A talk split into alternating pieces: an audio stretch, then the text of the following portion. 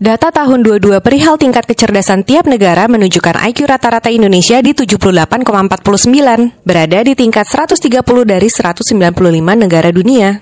Dibandingkan dengan negara tetangga kita Singapura dengan rata-rata IQ 105,89 di posisi ketiga dunia, kita sebagai warga negara Indonesia punya banyak PR untuk mengejar di bidang kecerdasan, supaya tingkat kesejahteraan kita juga membaik. Kecerdasan adalah kemampuan intelektual manusia yang ditandai dengan pencapaian kognitif yang kompleks dan kesadaran diri yang tinggi. Artinya kecerdasan bukan tentang kepintaran menghitung atau menghafal saja. Nalar berada di tingkat kesadaran 40% dan untuk mencapainya kita perlu berada di posisi netral dulu, tidak memegang teori, melampaui emosi, dan menerima kenyataan. Kita perlu mengesampingkan ego, mengamati tanpa bereaksi, dan melihat fakta apa adanya. Jika kita masih berupaya mempertahankan teori yang kita sukai dan menolak hal lain di luar itu, kita jauh dari kata cerdas meski nilai ujian kita sempurna. Yuk, cerdas yuk!